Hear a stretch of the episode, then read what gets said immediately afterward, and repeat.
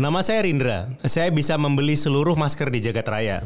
Tapi sayangnya, masker tidak bisa menyelamatkan Anda dari virus corona. Jangan lupa cuci tangan. Pesan layanan masyarakat ini dipersembahkan oleh Box to Box Media Network. ancang-ancangnya si Carlos nih memang pengaruh ya Ternyata ya. Nggak, nggak cuma nggak cuma salah-salan doang. nggak nggak cuma aksi doang anjing Karena kayaknya sampai sekarang pun udah nggak ada lagi yang pakai tendangan kayak gitu. Kayak cuma dia doang deh. Gua gua nggak pernah tahu lagi ya. bener tapi menurut gua juga mungkin ancang-ancang itu dipakai buat takut-takutin kali Ran ya Bisa jadi. Wawancaranya Zidane, dia tuh bilang, Carlos tuh bukan ngumpan tuh dia nge-shot. Jadi si Zidane tuh kayak nendang semangka katanya bukan kayak nendang bola. Buat gue ulang tahun tuh bukan sesuatu yang harus dirayakan. Karena tidak ada yang membanggakan dari lahir ke dunia, ngerti gak sih? iya bener bener emang nggak kan adalah ketika menjalankannya kan Iya.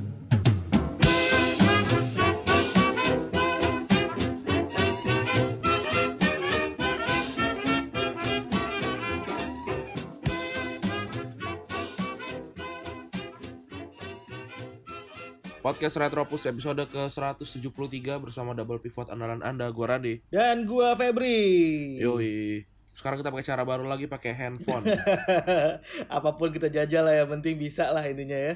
Yang penting bisa rekaman. Eh, gue tadi, tadi pagi tuh di email sama adalah orang terkenal lah di Indonesia untuk dia ngajakin wawancara di Unqualified kan. Terus gue gue bilang oke oke aja tapi karena kasus kayak begini ya kita harus terbatas di di, di rumah masing-masing gue bilang. Pada, padahal gue pengen pengen banget tuh. Gue pengen ini gue pengen membungkam Ias gue kesel banget gue Ias makin makin tengil gokil dia. Tapi kemarin ya Lawrence ini ya. Kita tolak ya. Salah satunya yang nolak ya Lawrence kan cuma retropus doang kan. Ngajak live ngajak live gue tolak anjing. Tapi gue bangga lah gue sama Ias lah. Iyalah gue sebagai orang tamu apalagi Ran gila. Orang orang kota legenda loh. Grand Wisata ada yang selain Sule ada juga berprestasi loh orang tamu alhamdulillah ya eh kita dulu gue sebelum masuk ke bahasan utama apa yang ingin lakukan di masa ulang tahun saat pandemi ini men Nggak ada gue. Gue cuma, gue cuma nggak mau kerja doang. Buat gue ulang tahun tuh bukan sesuatu yang harus dirayakan. Karena tidak ada yang membanggakan dari lahir ke dunia, ngerti gak sih? iya benar benar emang nggak kan adalah ketika menjalankannya kan Iya, ke- kecuali kalau misalkan lu wisuda gitu. Itu itu dirayakan. Kalau gue coba ngutip dari si Dea, di- Hah? dia tuh cerita sama gue. Ada dua hal yang bikin gue tuh lebih emosian karena gue inget mati kata dia. Heeh. Satu pas lagi tahun baru, satu pas lagi tambah nambah umur kata dia tuh se- karena em karena inget mati kan umur makin nambah ya kan terus inget mati terus dia jadi gampang cepet emosian ngebayangin semua semuanya gitu.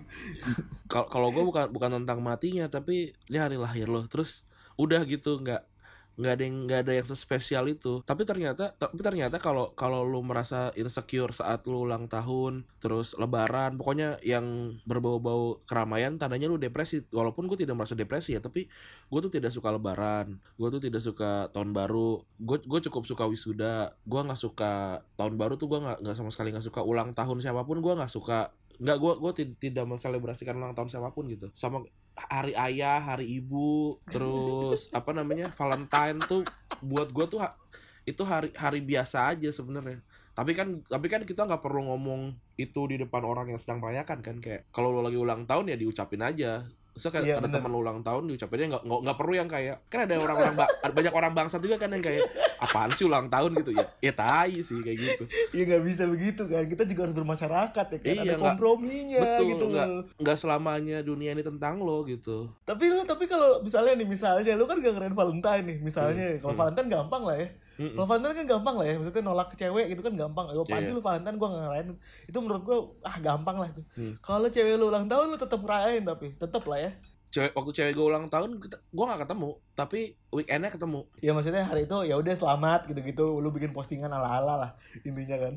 iya paling gitu doang nggak nggak yang kayak deg-degan gue tuh nggak pernah nggak pernah bikin surprise kayaknya gue nggak nggak nggak ini gue karena sekeluarga gue kayak gitu semua Iya, iya, datar semua. datar aja santai aja hi- hidup gitu biasa aja Iya, iya, iya. iya.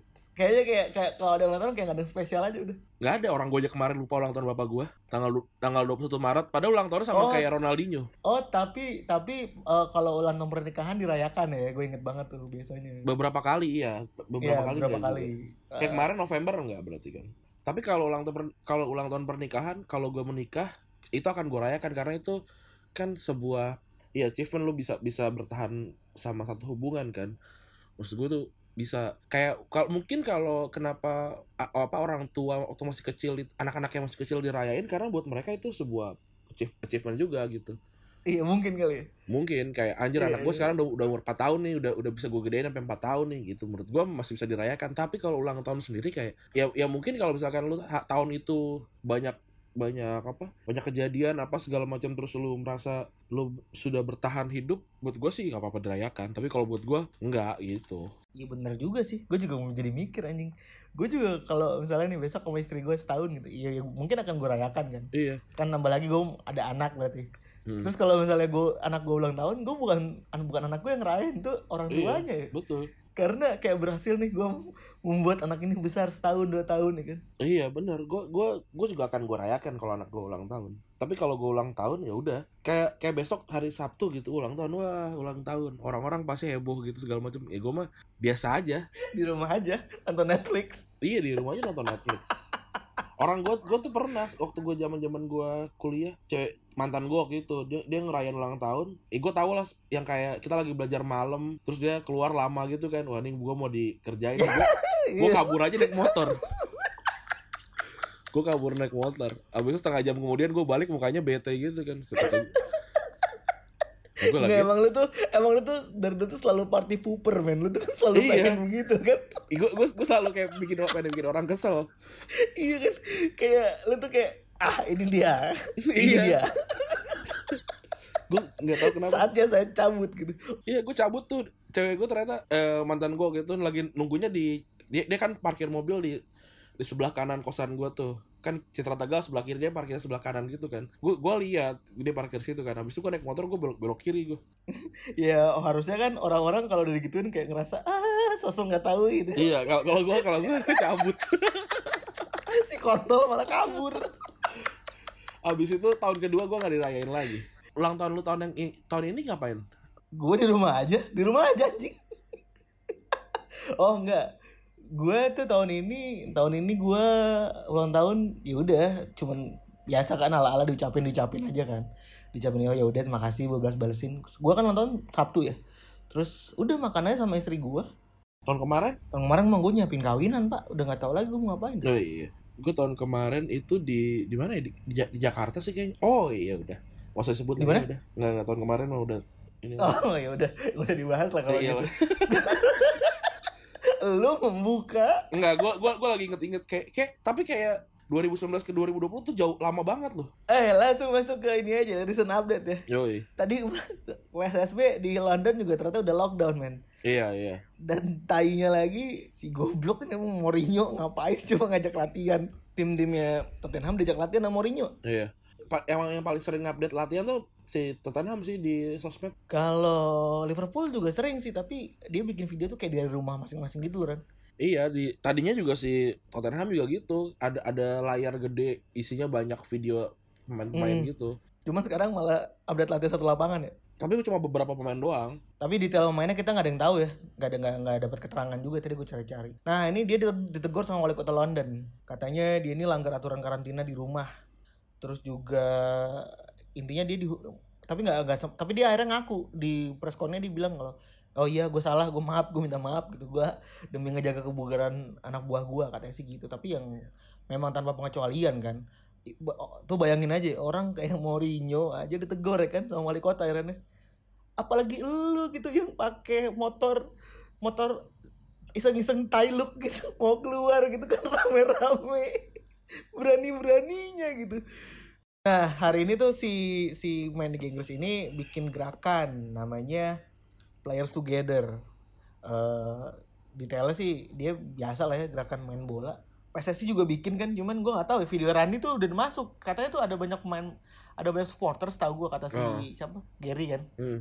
tadi gue tanya eh kan kemarin pas lagi mau bikin dia bilang siapa aja kira udah ngasih? Gue dia bilang Eki Labib Arista Fuad. Kan nggak mungkin ya ya Ran ya. Kalau Fuad ngasih ngetangin kan agak nggak mungkin gitu. Iya. Tuh iya tuh ya, pagi pagi pagi ada yang ada yang ngasih tahu kan bang nggak ada- kok cuma ada Febri doang nggak ada nggak ada lu gitu dikira dikira kayak eh, nih gua saatnya gue berantemin Febri sama Randi nih kayak gitu kali ya.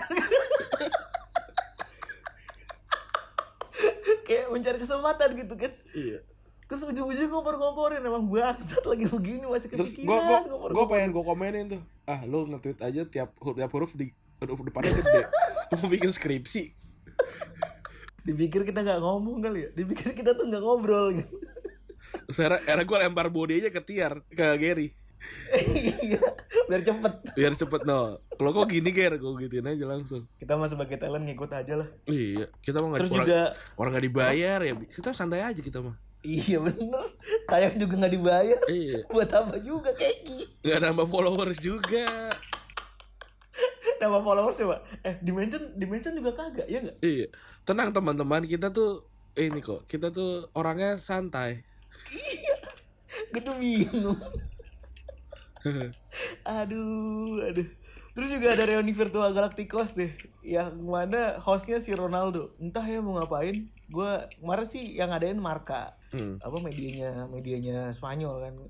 Jadi hostnya si Ronaldo terus pertama ngubungin Roberto Carlos terus yang kedua ngubungin Vigo habis itu Beckham sama Iker Casillas. Nah isinya basa-basi doang men. Cuman jual apa nggak ada aksi. Kalau misalnya sama Najwa mending kan? Najwa kan mending kan? Orang-orang ah, musisi-musisi disuruh pada ngamen terus eh, minta donasi kita donasi lah ini nggak ada apa-apaan ini cuman gosip doang nggak jelas banget Beckham mau pakai bahasa Spanyol Enggak, Beckham ngomongnya pakai si Ronaldo-nya pas lagi nyambut Beckham pakai bahasa Inggris. Dia ngebuka dengan I know li- I know little, little bit about your your language but ya gua akan menyambut lu dengan berbicara dengan bahasa In- Inggris kata gitu.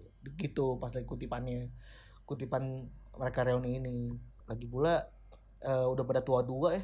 tapi cuma Beckham doang yang nggak berubah mukanya oh Casillas tapi masih muda sih nggak belum 40 dia Oh iya, si bapak itu si, si Santo juga masih masih ganteng tuh dia. Hmm. Tapi kalau pemain Eropa tuanya lumayan masih ganteng sih Ran ya. Iya kalau orang apa Amerika Latin kayak abang-abang ya. Iya. Lu tau gak abang-abang kamling yang kuliah suka mukul-mukulin tiang tuh. Iya. Nah, mirip Lu mirip lihat lah. Itu pasti tuh badan gendut ya kan. Kayak Ronaldo gitu kan. Badan gendut, bumbu kepala botak. Nah apalagi Roberto Carlos tuh. Udah pendek ya kan, cebol, badan makin gemuk, bet- betis gede banget ya kan. Roberto Carlos tuh lebih lebih pendek dari gue ya. Gue 171. Dia Iya, 168 ya. 168 pendek pantaran gua. Iya. pendek banget untuk orang main bola mah ngadepin main-main tinggi. Nah, ini yang bakal kita bahas ya di episode kali ini. Eh, Doi ulang tahun hari tanggal 10 ya. Hmm, hari Jumat. Sebelah-sebelahan sama ulang tahunnya Randi. Yoi. Kalau tanggal 11 yang ulang tahun tuh Tiago. Oh iya Tiago. Tadi gua mau bahas Tiago juga, tapi kayaknya gak seru bahas Tiago. Menurut gua, gua kalau lu bahas Tiago, mending gua bahas ulang tahun lu anjing. Iya.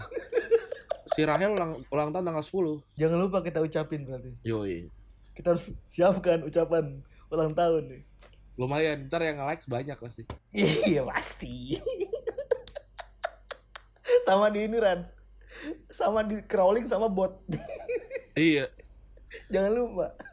Di save sama bot. Eh, Ran, Hmm. Oh, lu apa yang lu inget dari Roberto Carlos? PS1 sih udah, nggak ada oh, lagi. Iya, iya. PS1. Lu main PS1 dari WE berapa? Gua WE berapa ya? WE 2003 kayak yang yang Jepang semua ya. Eh, pokoknya karakternya W4 itu. W4 ya, itu W4 berarti gua. W4 itu tahun 99 kalau nggak salah. Pokoknya gue dari situ sampai sampai PS2 gue selalu juara aja tuh tiap tahun tuh kalau ada lomba PS. Eh lomba WE Tapi lu kalau bikin turnamen bertiga ya lumayan lah itu kan SMA ya. SMA. Itu SMA bener. Tapi tetap Iya aja itu itu kan nggak pernah ada yang lebih kalah kan. Nggak ada yang lebih kalah, nggak ada yang lebih menang. Mm-mm. Selalu saling Itu mengalahkan. ke- Kenapa kita betah nginep sampai du- dua hari dua malam karena begitu kan? Gua Terus- gua tuh di di apa sampai di kampus kan juga juara tuh. PS eh iya PES waktu itu PES 2010 Oh, lu main ya PS? Oh PS di PC. di PC PES 2010 tuh gua wah bener it, kalau itu tuh beneran unbeatable tuh sampai sampai era Gary itu juga nggak bisa ngalahin tuh kalau nggak salah tuh pas 2010 tuh baru 2011 baru dia bisa ngalahin lagi Gara-gara apa kan? Pakai apa tuh? Ya Tore. kagak gara-gara bisa tendangan bebas aja gua tiap, tiap tendangan bebas gol aja tuh seru banget Oh, dulu tuh gue inget banget PS 2010 itu ada ada glitchnya. Kalau nendang bebas tendangan bebas kotak atas segitiga itu ngolong bolanya. Kalau gua tinggal tinggal R tinggal L2 kotak aja L2 Oh, flashing L2 ya? biasa.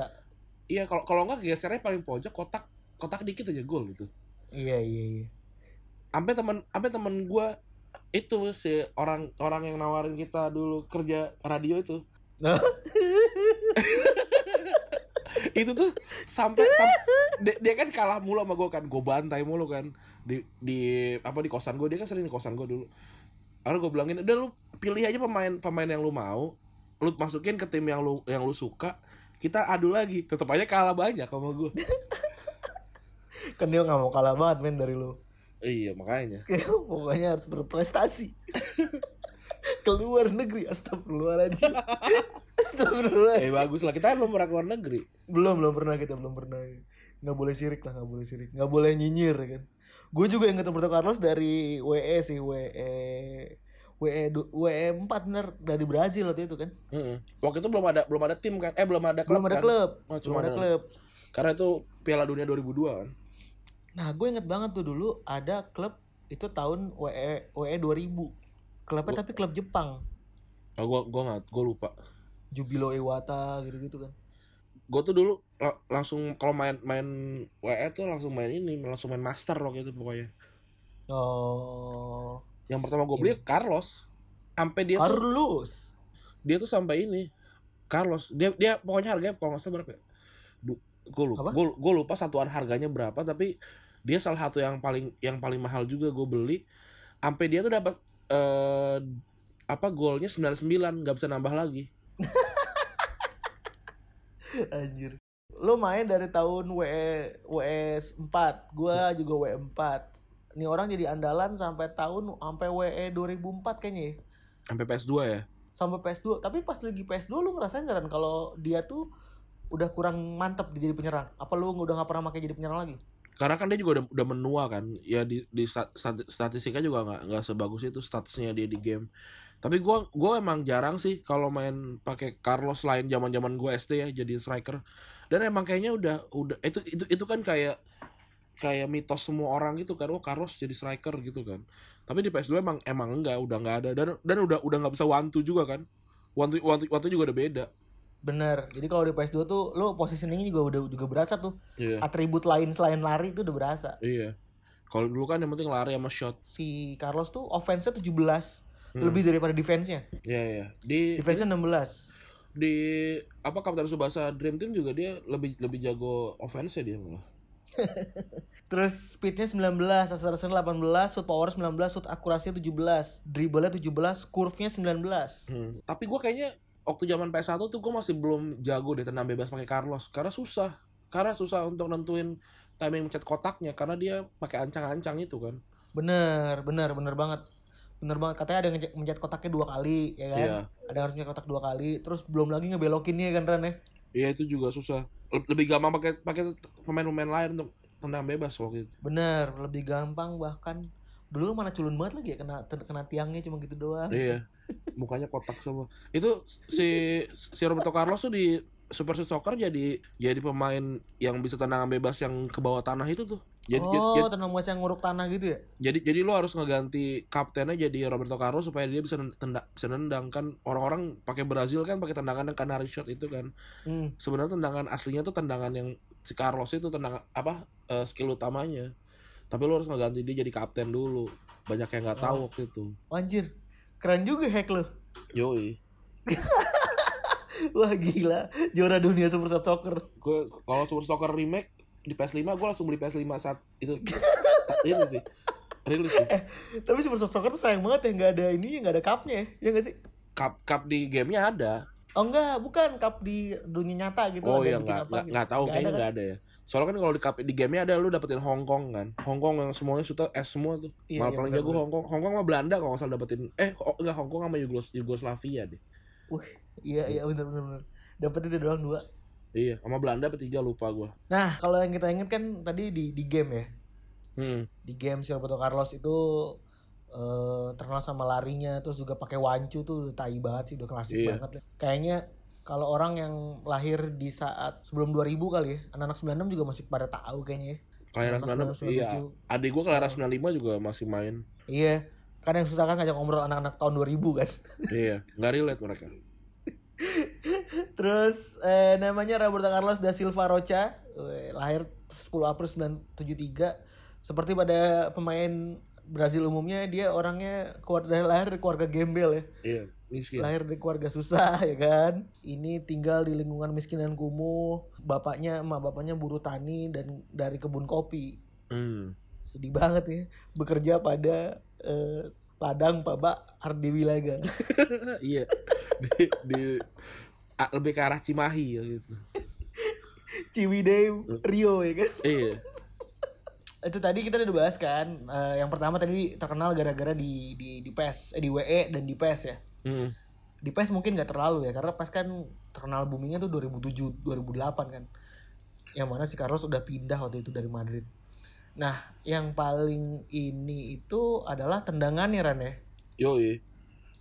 itu udah beda banget tuh daripada yang lain yang paling mungkin kita semua gak ada yang nonton kalau lu nonton gak sih kan yang konfederasi 97 Nggak, itu kayaknya nggak- nggak ada di TV juga deh.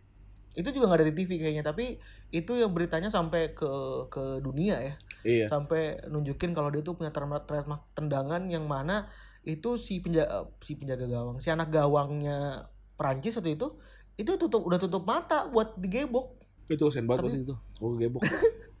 tapi bolanya udah masuk gawang bolanya Iya. udah masuk gawang Itu Yang si Bartes udah cengok ternyata masuk boleh masuk gawang anjing. itu tuh orang- orang-orang tuh kadang-kadang suka bingung gitu kan. Loh kok Prancis lawan Brazil kan 3-0 di Piala Dunia kok ada- golnya Carlos gitu kan. Pada nggak tahu konfederasi soal zaman-zaman itu tuh zaman-zaman gue SD tuh pada pada debat soal itu tuh. Enggak 3-0, 3-1. Oh, Dikirain iya, satu iya, iya. pertandingan yang sama padahal padahal enggak. oh jadi lu sebagai ini enlighten tadi Yoi. lu yang ngasih tahu pasti terus eh tapi gol itu di- sampai ada yang neliti men dari Prancis Heeh.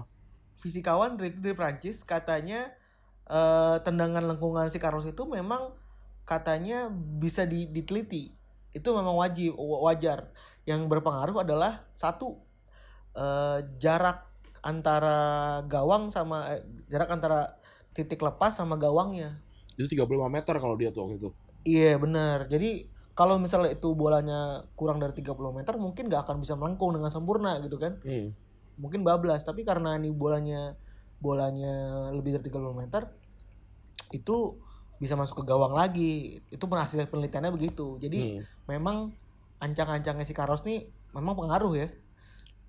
Ternyata ya. Enggak, enggak cuma enggak cuma salah-salahan doang. nggak nggak cuma aksi doang anjing. Karena kayaknya sampai sekarang pun udah nggak ada lagi yang pakai tendangan kayak gitu. Kayak cuma dia doang deh. Gua gua nggak pernah tahu lagi ya. Bener. Tapi menurut gue juga mungkin ancang-ancang itu dipakai buat takut-takutin kali Ran ya.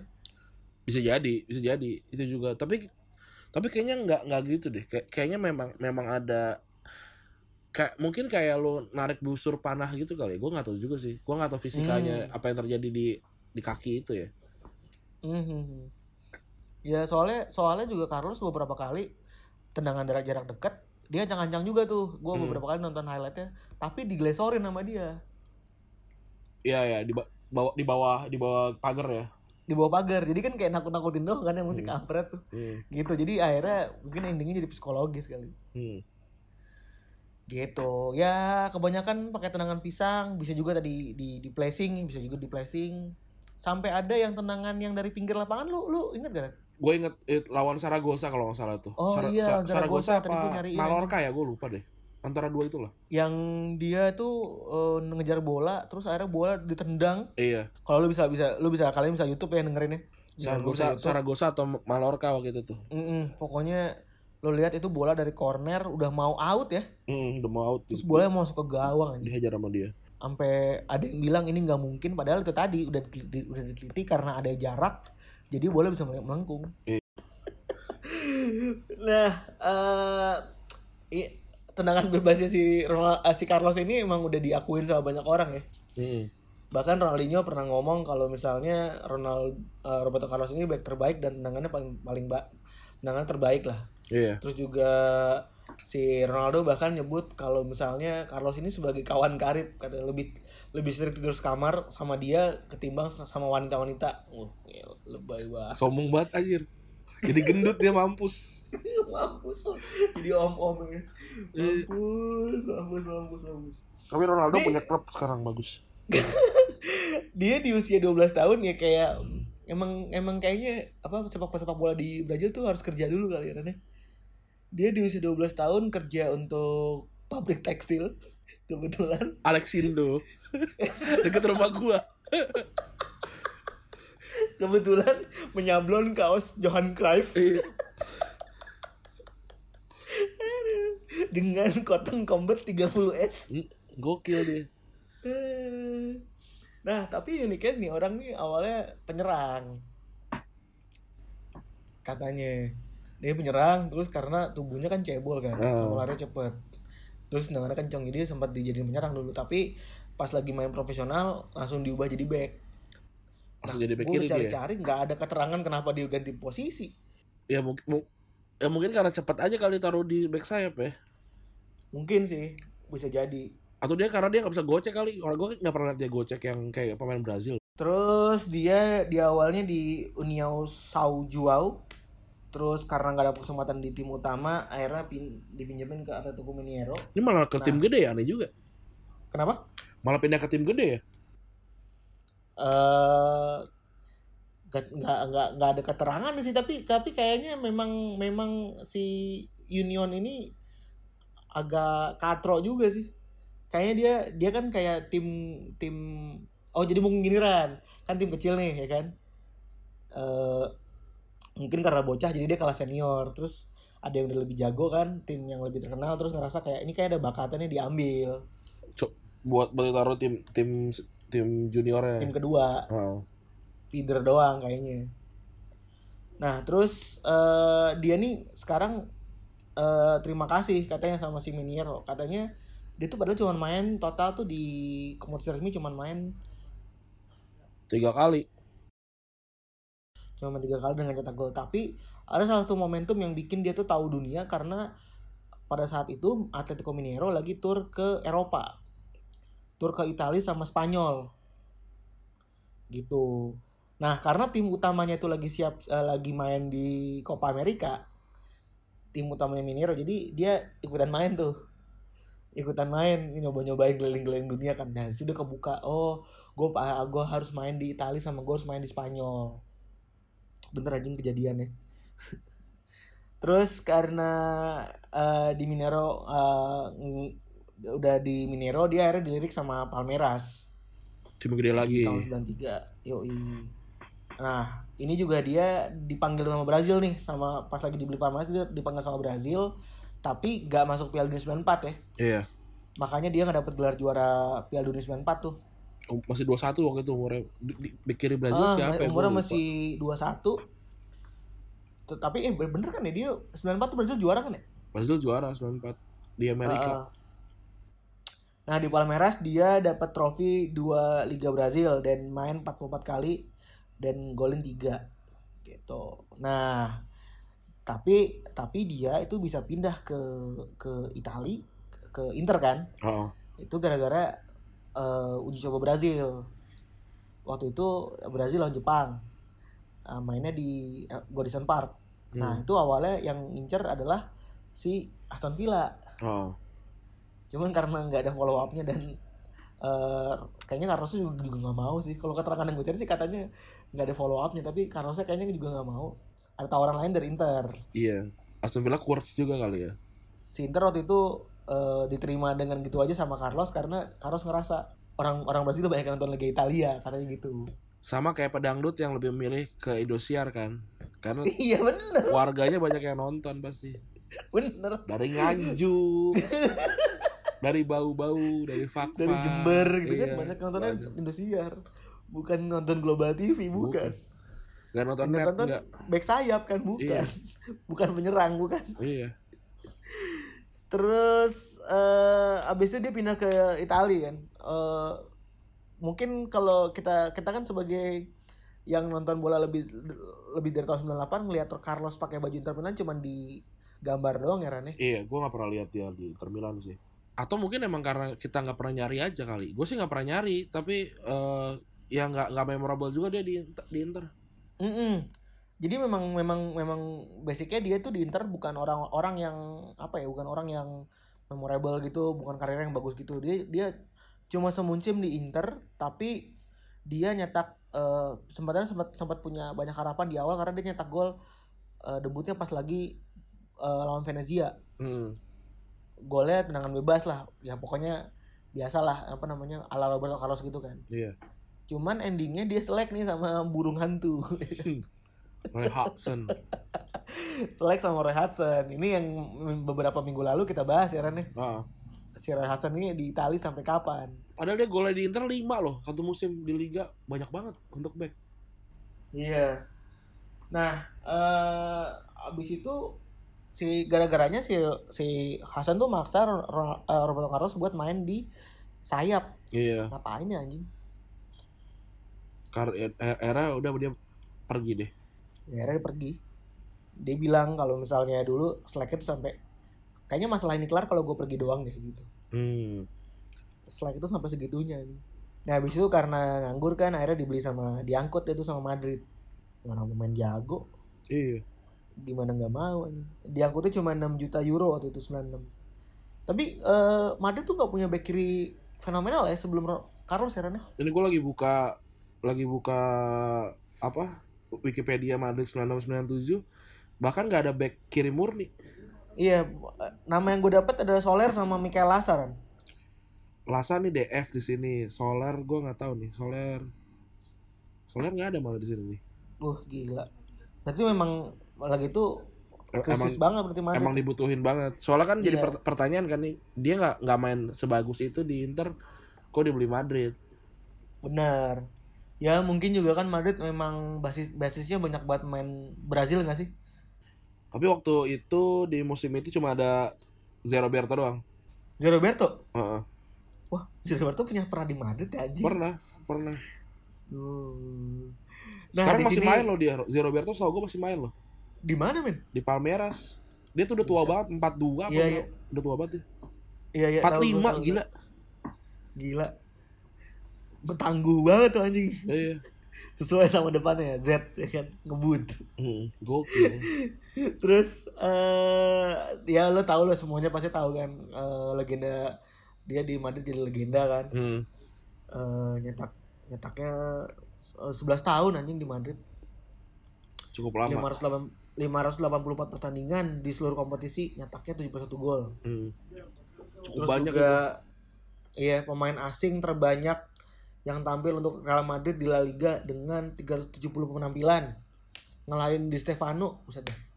Terus juga dapat 4 gelar La Liga, 3 Supercopa, 3 Champion sama 2 Inter Intercontinental Cup. Ini tuh Toyota Cup kayaknya ya. Iya, Piala, Piala Dunia antar klub waktu itu. Iya, Sekarang. Piala Dunia Antar Klub waktu belum format sekarang ya. Iya. Masih cuma nemuin eh, final doang tuh. Hmm. Langsung ketemu di final. Eh apa? Eh, Eropa nung- nunggu di final. si Del Bos Del Bosque pelatih dia sampai ngomong saya hanya perlu satu Roberto Carlos untuk menguasai semua sisi kiri lapangan Yoi. Wah gila gila banget tapi lu kebayang gak sih bek kanannya kalau Roberto Carlos anaknya siapa Dani Alves kayaknya Dani Alves tuh kiri juga apa kanan sih Dan Alves kanan. pernah nggak Ran si Dani Alves sama Roberto Carlos barengan Nggak pernah. Nggak pernah. Nggak pernah ya di Brazil nggak pernah ya Nggak pernah. 2006 juga bukan Alves ya Masih Cafu. masih Cafu ya Habis itu Cafu kan Maicon. Iya iya iya iya. Iya bener. 2006 tuh Maicon bahkan. Eh, Enggak, 2010. 2010 Maicon. Alves cadangan. Nomornya 13. Eh jadi di Brazil itu em, pemain satu pemain nomor 11 harus pemain inti. Dari satu sampai iya, jadi Carlos dia nomor harus 6. nurut ya. Tradisional banget berarti. Iya, emang harus kayak gitu. Makanya eh, kakak waktu itu kan nomornya 20 kan di 2002 karena dia nggak bukan bukan pemain utama kayak gitu. Sama Inggris juga gitu kan. Iya bener. Singers juga masih ini banget tuh. Angka angka kipernya setahu gua nomornya harus satu. Kalau Inggris harus, Harus- satu. Makanya Beckham yang eh, pertandingan terakhir kan nomornya 17 apa 23 gitu. Iya iya. Karena dia masuk ke 17. masuknya di tengah. Iya iya. Terus juga dia pernah punya pengalaman buruk katanya di dirampok pas lagi wawancara. Ini pas lagi di Madrid nih. Katanya dirampok pas lagi wawancara sama radio. Tapi perampoknya tuh tahu tuh Carlos Ran. Oh, kan Barcelona eh, kan Spanyol kan terkenal memang dengan perampokan yang sangat tinggi kan. Mhm. Jadi eh, jadi lagi diwawancara gitu di di pinggir jalan, terus interviewernya tuh diambil ininya dompetnya. Nah Apa? si Oh si Carlos. si interviewernya itu diambil dompetnya sama malingnya. Terus si Carlosnya itu diambil jam tangannya. Tapi Terus? dia si orangnya tuh tahu kalau wah ini anjing nih kah, gue ngerampok Carlos nih gitu kan.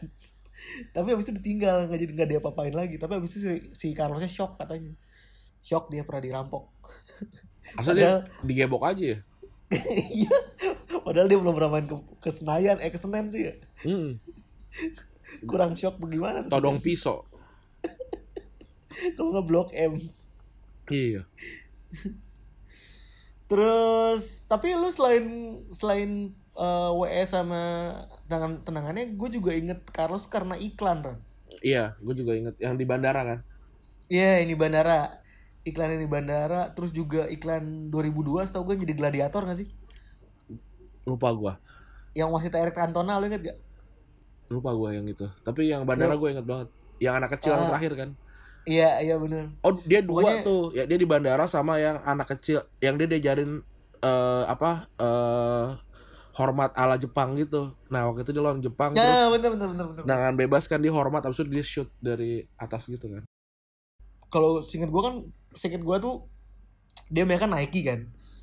Dia Pepsi juga gak sih? Itu Pepsi tuh yang yang yang pas eh, Jepang itu Pepsi tuh. Oh yang Jepang itu Pepsi ya benar yang. Tapi yang Nike tuh kebanyakan warna-warnanya dulu gladiator gelap-gelap gitu kalau salah. Iya, heeh. Terus juga di Madrid dia bikin assist yang paling diinget ya. Iya, 2002. Iya 2002 2002 ya. Apa 2001 sih? 2002. Pas 2000. Iya, pas lagi Zidane golin ke gawang Leverkusen ya waktu itu ya. itu gue inget banget wawancaranya Zidane. Dia tuh bilang Carlos tuh bukan ngumpan tuh dia nge-shot. Jadi si Zidane tuh kayak nendang semangka katanya bukan kayak nendang bola.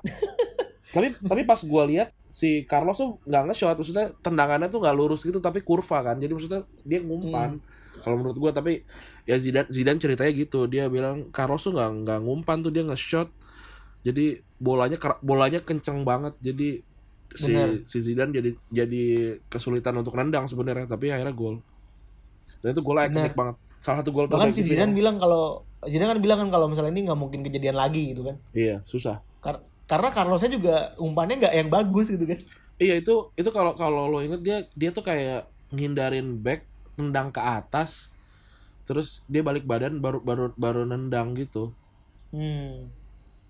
Nge ngecoh siapa ke kanan ya gue lupa Ramelo ya gue lupa Iya iya benar-benar dia dia mau setengah ngump ya lu tahu Heeh. Carlos lah pokoknya entah mau ngumpan entah mau nendang kan kadang suka maruk juga kan orangnya Nah, gue di situ tuh oh, jadi itu kan 2002 ya. 2002 tuh kelas 6 SD apa ya? Kelas 6 apa kelas 5 SD gitu.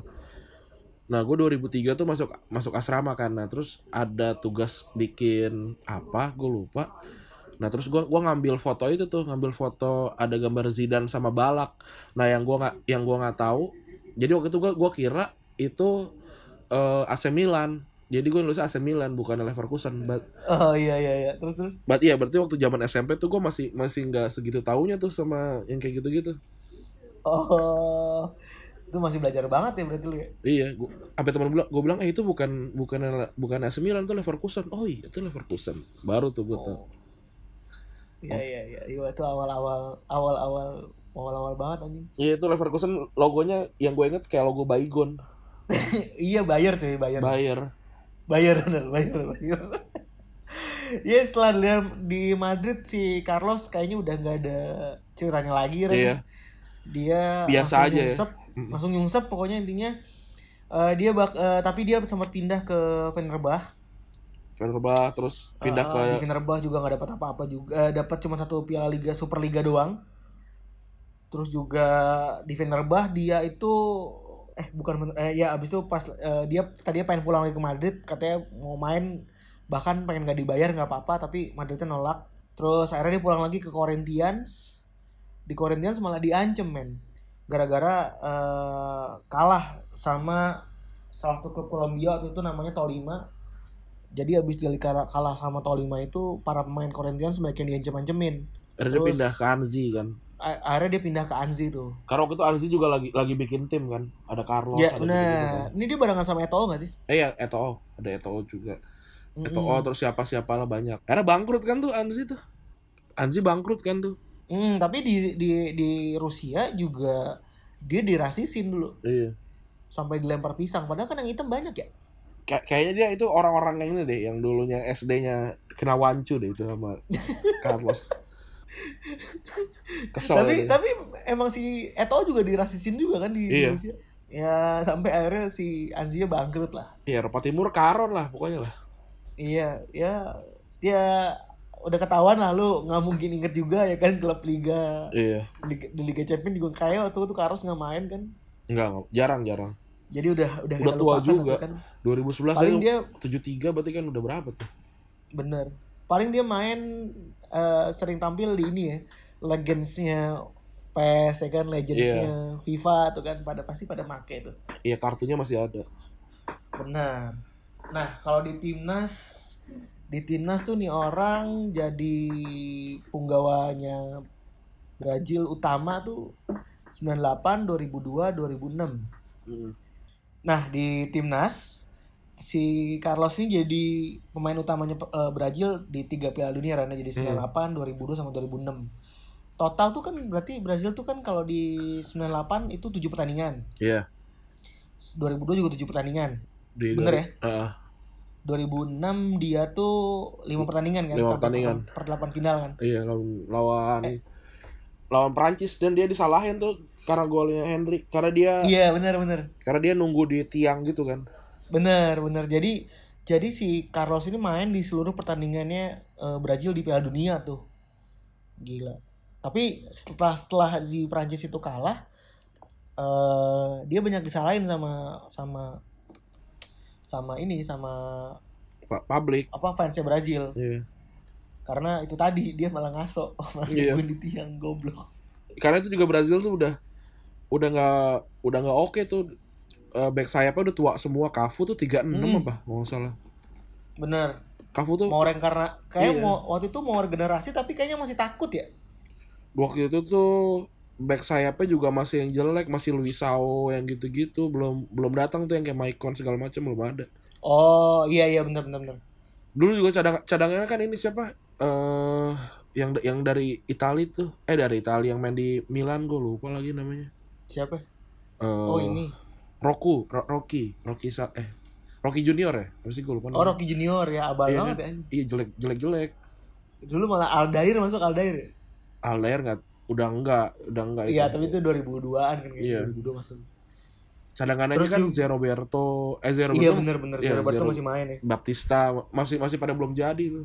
Benar benar nah terus abis itu dia sebenarnya pas lagi 2010 tuh mungkin baru ngerasain kali dia des- desperate pengen main bola. Terus juga dia pengen ikutan lagi main di Brazil tapi nggak dipakai sama Dunga. Ya 2010 dia aja udah di tim tim Brazil kan di Corinthians. iya udah di Corinthians. Terus dia tampil 125 kali nyetak 11 gol. Eh, dia dapat prestasinya apa Piala Dunia 2002 Copa America 1998 sama Konfederasi 97 Iya, lumayan lah. Ya buat menurut gua sih sebenarnya kalau Roberto Carlos ini tidak pantas disandingkan sama kuantitas ya Ran ya. Hmm. Maksudnya nggak nggak bisa kita hitung dengan jumlah gelarnya gitu. Walaupun jumlah gelarnya juga kayaknya udah semuanya didapat sama dia ya. Udah semua. Udah hampir semua. Tapi eh, dia punya trademark yang mana melegenda sekali di melegenda banget kan di kepala kita kan. Iya. Kayak tendangan bebas terus juga itu wancu wancu Carlos itu udah menurut gua ada orang yang bisa bikin satu generasi tuh tahu semua gitu loh. Iya. Itu Itu udah keren banget sih. itu kayak ya nggak nggak banyak pemain-pemain yang kayak gitu ya. Bener. Bahkan Ronaldinho aja kalau di game tuh nggak kayak gitu kan. Enggak, enggak enggak pernah spesial itu di game. Nggak yang spesial itu. Eh, lu bayangin seorang back loh. Gila. Itu seorang dia. back nomor punggungnya tiga anjir. Tapi kalau di, di di ini di master gua gua kasih nomor 9 deh. Tandemnya tandemnya Henry kalau enggak Shevchenko. Oh, oh iya Shevchenko juga enak tuh. Ngebut soalnya dia. Tinggal kotak X shot. Kayaknya udah ya Ren ya. Udah gitu aja. Eh, Itu aja episode kali ini. Yoi. ini udah lebih lagi kayaknya Randi masih harus memotong lagi Iya. kayaknya. Oke. Tapi Terima kayaknya lebih berbobot kali ini lebih lancar ya kan. Iya. Kayak lebih enak nelpon ya. Eh, eh, tapi semoga semoga sih gue harapan gue nggak nggak bocor ya, nggak bocor lagi kayak kayak kemarin. Iya. Ya udah gitu. Gitu aja. Terima kasih teman-teman yang sudah mendengarkan episode ke-173. Gua Randy cabut. Gue Febri gue cabut. Bye. Susah juga ternyata punya pacar bermata liar Seringkali memalukan Dibuatnya aku tiada berharga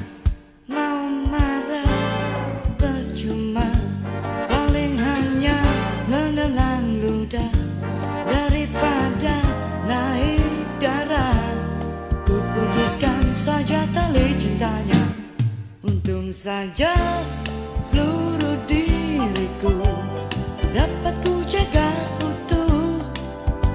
Sejak ku cinta dia Hingga kini berpisah.